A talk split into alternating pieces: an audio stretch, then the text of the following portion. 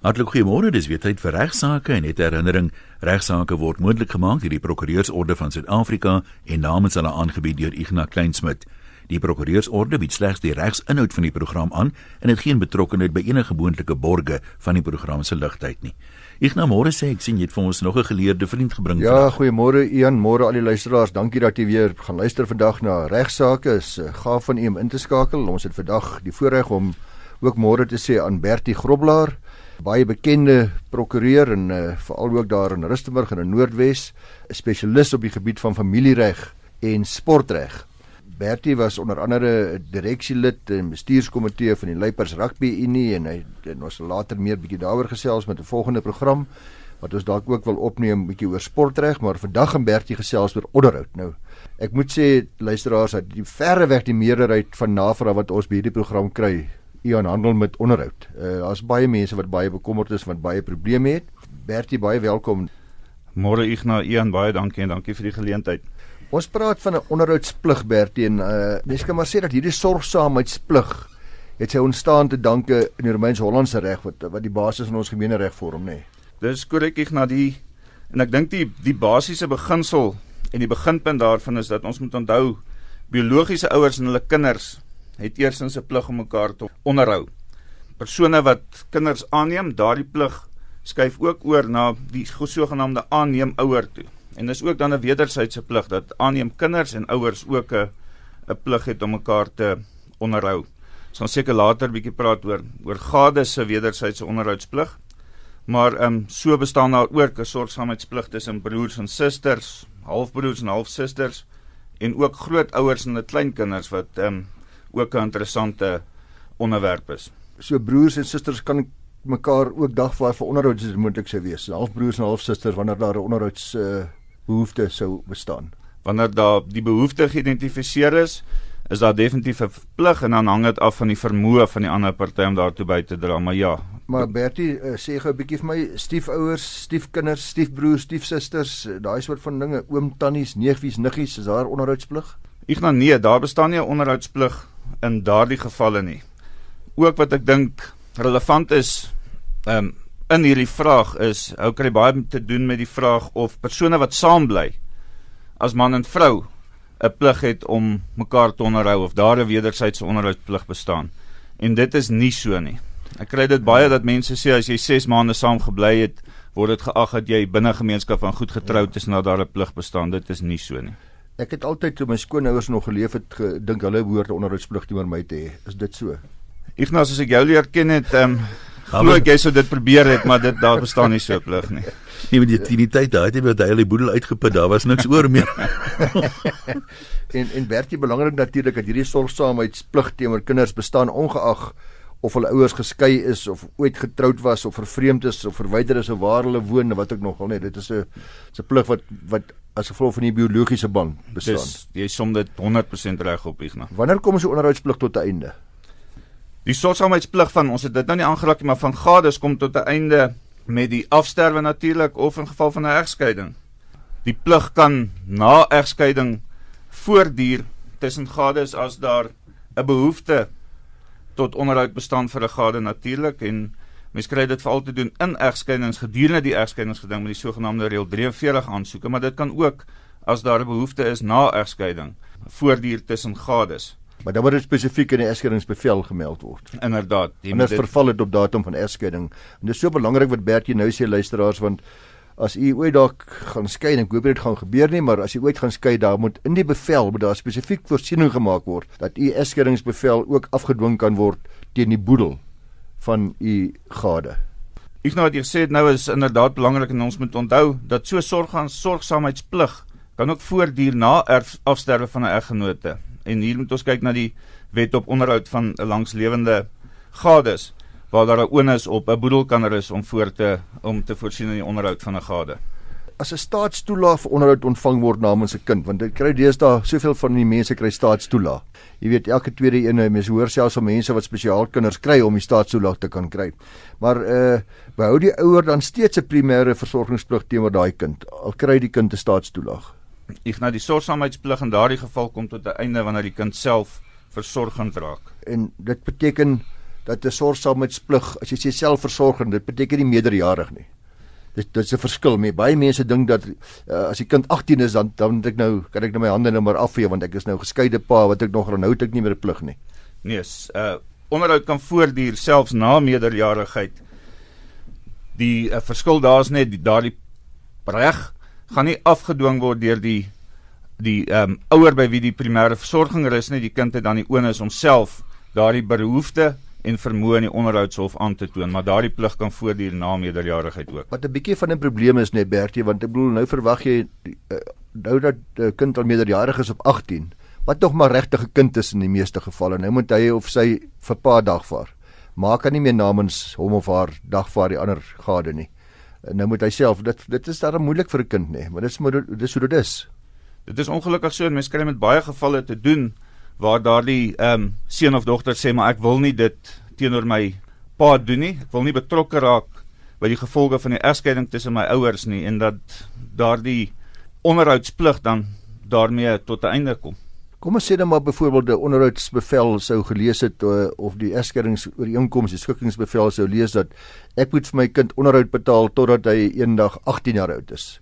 Maar hier op 16 gaan hy die skool uit en begin werk weer eens het ons hier te doen. Daai plig kan voortduur as dit in 'n uh, onderhoudsbevel vervat is, gaan daardie plig voortduur tot en met die tydperk verstryk in die die onderhoudsbevel. Uh, en ek het geen huis vir hy, ja. nou skuis tog, maar is daar nie 'n feite vraag van of die kind die sorg nodig het nie.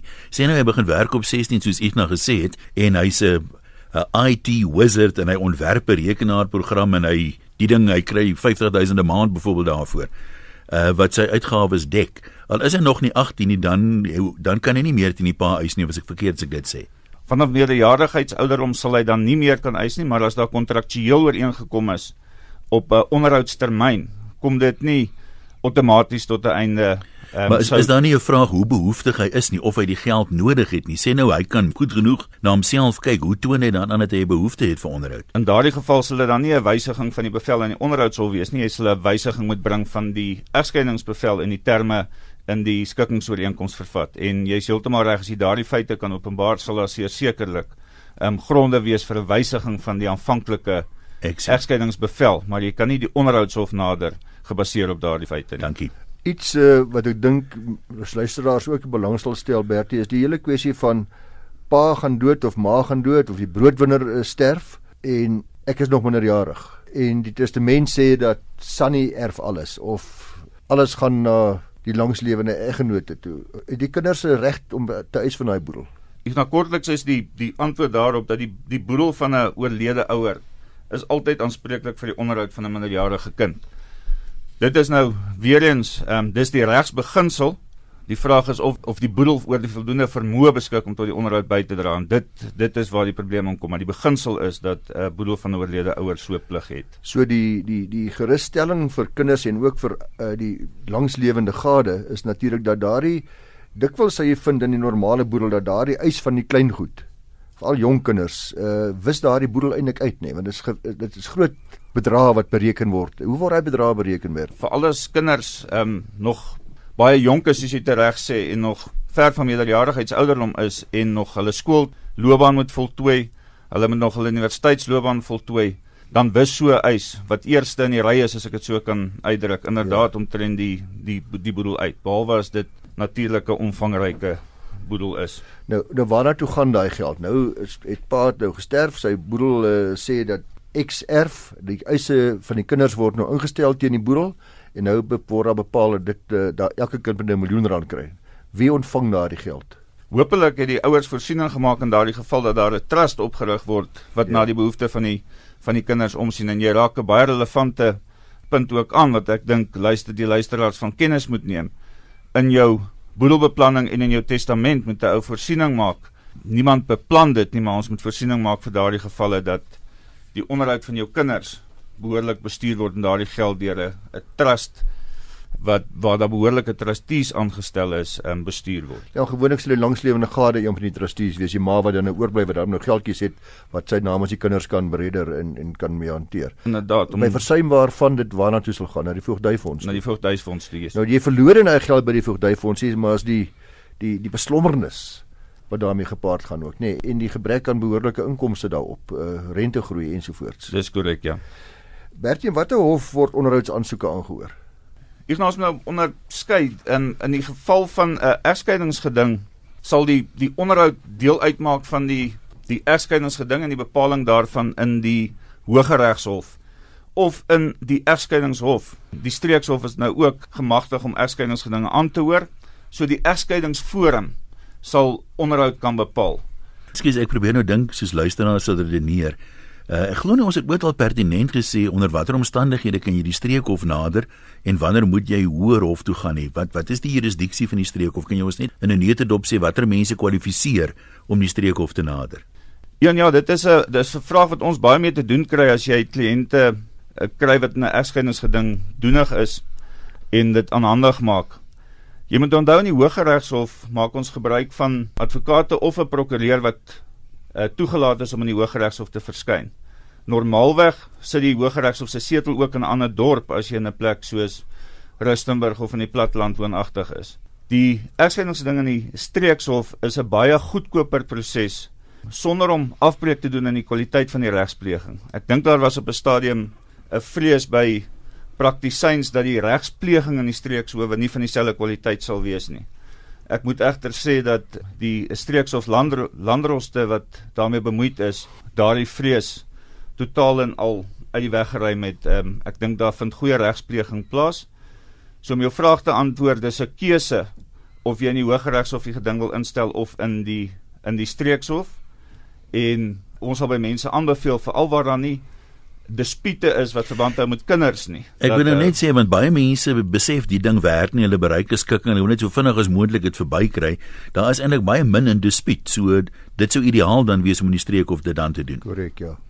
Bertie Grobbelaar is spesialis oor onderhoud kuier hier by my en Ignas in die ateljee. Bertie het nou vir ons vertel, daar's ons het 'n keuse soms oor streekshof die eskering aanhangig maak of hogereshof. Uh en my vraag aan jou is maar Nou is daar 'n afdwinging van 'n onderhoudsbevel. Hy word nou nie streng nagekom nie. Moet ek nou weer na dieselfde hooggeregshof toe gaan terwyl ek 'n se moet ek nou weer Pretoria toe gaan of Mafikeng toe gaan of kan ek uh, is daar 'n beter plan wat ek kan maak? Ek nog gelukkig nie. Elke distrik het 'n onderhoudshof en daardie onderhoudshof is gemagtig om aansoeke ter afdwinging van onderhoudsbevele en ook wysiging van onderhoudsbevele um, aan te hoor en te bereg met ehm um, wysiging van bevele verwys ons na verloop van 'n tydperk is daar verhogingsaansoeke. Die behoefte het uh, verhoog of die vermoë van 'n party om by te dra tot onderhoud het is gewysig. Iemand is afgedank by sy werk. Dan kan so 'n persoon wat geraak word deur daardie veranderde omstandighede daardie onderhoudshof bevel 'n onderhoudshof nader om die hooggeregshof bevel te wysig So kan ek met ander woorde ook hierdie onderhoudshof in my plaasstuk by my plaaslike landroskantoor direk nader as ek voel dat iemand anders 'n onderhoudsplig teenoor my kind het. Sê byvoorbeeld die ongehuurde pa, wie ook nogal. Jy is heeltemal reg, so as jy 'n onderhoudsaansoek wil bring in daardie spesifieke geval, is dit nie nodig om dit in 'n hooggeregshof aanhandig te maak nie. Mens kan dit baie koste-effektief in jou plaaslike landroshof se onderhoudskantoor so 'n klagte indien of 'n aansoek bring en daar is 'n proses wat gevolg moet word waar die onderhoudshof dan bereg en bevind oor onderhoud betaalbaar. En nou het ek 'n onderhoudsbevel gekry in die jaar 2000 wat sê R300 'n maand en daar staan niks van verhogings nie en pa weier net hy wil R300 'n maand betaal. Moet ek net weer hooggeregshof toe gaan as ek daai bevel wil verhoog? In daardie geval is dit 'n 'n wysiging van 'n bevel, van 'n bestaande onderhoudsbevel ongeag of daardie bevel in die Hooggeregshof gemaak is, kan jy jou plaaslike onderhoudshof nader en dit is ook relevant om daarop te let dat dit nie nodig is om by wyse van 'n 'n prokureur die onderhoudshof te nader nie. As applikant is daar 'n onderhoudsbeampte wat jou kan bystaan alhoewel dit en dit is nie 'n bemarkingspoging om prokureurs te bemark nie, maar dit is altyd beter indien jy bystand het in hierdie proses om jou behulpsaam te wees met die verloop daarvan. Nou die Amerikaners praat van 'n miljoen dollar vraag en dit is 'n miljoen dollar vraag vir so baie mense wat vandag luister. Hoe word hy bedrag bereken van onderhoud? Ek nou mens kan omtrent 'n program op sy eie span spandeer daaraan, maar die twee woorde wat relevant is, Ian, as 'n ou na onderhoud kyk, is behoefte en vermoë. En 'n mens moet eers gaan, kom ons sê daar is 'n enkel kind en die ouers is getroud met mekaar in die geval, moet ons gaan kyk wat is die behoefte van hierdie minderjarige kind, onderhoudsbehoeftige kind van hierdie twee ouers. As jy die behoefte bepaal het, moet jy gaan kyk na die vermoë van die ouers om tot daardie behoefte by te dra.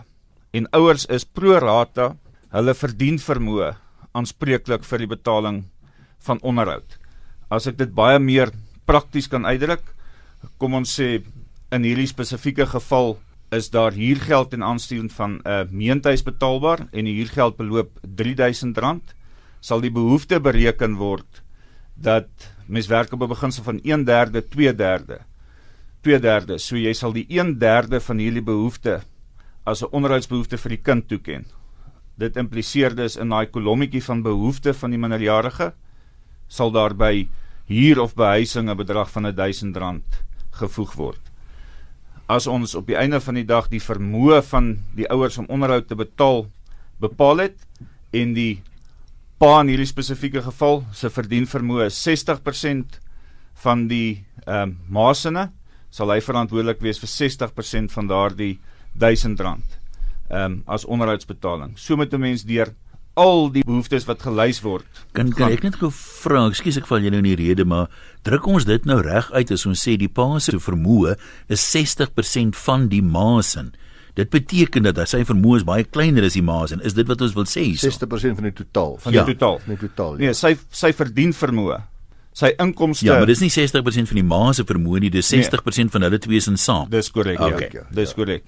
So jy dra pro rata die partye se verdien vermoë by tot die onderhoudsbehoefte van 'n minderjarige van 'n minderjarige. Ek dink nog nog 'n vraag uh, oor die die behoefte wat baie ouers moontlik het. Tye het nou verander, jy weet, in die ou dae het 'n mens met baie basiese dinge reggekom, maar deesdae het elke kind 'n selfoon, baie van hulle het rekenaar, tablette. As jy kyk na skole sport byvoorbeeld, jy weet, eh, ek weet nie of kinders meer kaalvoet rugby speel nie, maar die sporttoerusting, cricketkolwe, rugby toks, daai goed het duur geraak. Uh, is dit luukse goed of kan 'n mens sê dit is deel van 'n kind se behoefte? Hoe bepaal 'n mens of 'n kind byvoorbeeld 'n selfoon of sy eie rekenaar moet hê of ja, om neem jy dit in ag enigstens? Die beginsel is dat kinders so ver moontlik in dieselfde posisie geplaas moet wees as wat hulle was ten tye van die huwelik. Maar dit is met alle alle respek 'n uh, 'n hipotese wat nie droom ja. Ja. Jy het ewe skielik te doen met twee huishoudings. So uh om te droom dat 'n kind in geval van 'n egskeiding in dieselfde omstandighede gehou sal word is is regtig soos Ignas sê 'n pypdroom. Die vermoë van die ouers speel vir my 'n belangrike rol in die bepaling van die behoefte op die einde van die dag wanneer dit kom by leekshede. En by die bepaling van vermoë is dit inkomste en uitgawes is daar weer die twee frases wat 'n ou nou moet gaan kyk. En dis hier waar die dispute ontaard en waar die gevegte ehm um, tussen die partye uitbreek pa sê hy hy rook en hy sit daarin vir sy sigarette per maand.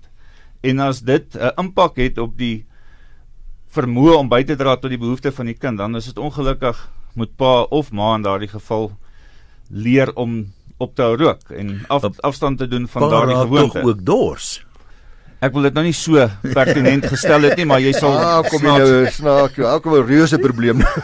maar ek moet sê ek het nog geen onderhoudsaansoek nog voorsiening gemaak vir die dors nie. Dit sien tog okay. wel so af en toe voorsiening vir die vir die rookgewoontes. Ja, maar die kaalvoet uh, rugby toks ding is die lewenspyl, sosiale pyl van die mense, die lewensstandaard wat hulle handhaaf toe hulle getroud was en waarin die kind gewoond was, hulle baie belangrike rol speel om te sê, "Jammer meneer, jou kind het mekaal voet. Hy sit nie al sy lewe lank speel hy nog kaal voet, want ons het nie geld vir vir stewels nie." Ja. En en terwyl die ander een wil sê jou kind kan die die duurste, mooiste stewels kry wat ma en pa kan bekos. En um, iets wat vir my baie opvallend is, ek nou kyk onder my vriende wat wat kinders het, veral op hoërskool.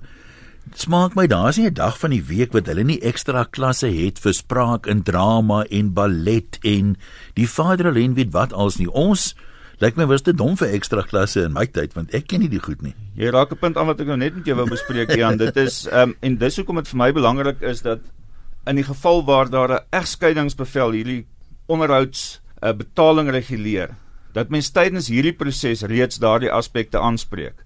Jy sal tipies ehm um, die geval kry waar daar ooreengekom word in die egskeidingsgeding dat die pa sou hy nie die primêre versorger wees nie, bydra vir twee buitemuurse aktiwiteite. En daar is die rol wat prokureur speel in die hele proses van onderhandeling regtig belangrik. Want as mens daardie dispute reeds kan aanspreek in die egskeidingsbevel of in 'n ouerskapplan wat nou um, baie gereeld gebeur, verhoed dit later probleme wat na onderhoudshof oor 'n tafel uitgesorteer moet word. Wat ook baie keer gebeur Bertie, een luisteraars is dat 'n egskeiding soos Bertie al reeds gesê het, maak mense nie skielik ryker nie. En dan is daar baie keer die die die ouer wat die verantwoordelikheid het om die kinders daagliks te voed en te klee en te versorg medies ensovoorts, verwag dan so 'n bietjie meer as wat hulle gekry het terwyl hulle nog getroud was. Pa moet nou skielik meer doen. Wat 'n simpel voorbeeld. 'n uh, Pa het nie 'n mediese fonds nie. En nou skielik wil die ma die kinders na 'n privaat hospitaal toe neem waar hulle nog altyd na 'n staatshospitaal toe gegaan het. Nou wat is redelik daar? Nou een hof het gesê dis 'n intelligente beredenering en omvattende berekening. Deur kyk na al die omstandighede om te bepaal. En die mense wat dit normaalweg nie kom bekostig nie, sal nog steeds ongelukkig die kind moet vat nie na die duurste spesialis nie, die duurste privaat hospitaal toe, maar nog steeds ongelukkig na die minder goeie uh, diens toe. Jy hoor nogal dikwels vir al die paas kla dat ma vat kinders dokter toe of pediater toe vir enige bakketel soos hulle sê. Dis bytelmal iets wat jy by apteek goeie raad kon kry of met hoesmedisyne van die rak af maar mense wil soms die indruk hê daar's 'n element van ek wil nie sê moetswilligheid by nie maar dat ma nie omgee om daai rekening te jaag nie want sy weet mos nou sy betaal hom nie. Ignas nou die woord gebruik en die frase wat hy gebruik het is redelike en intelligente.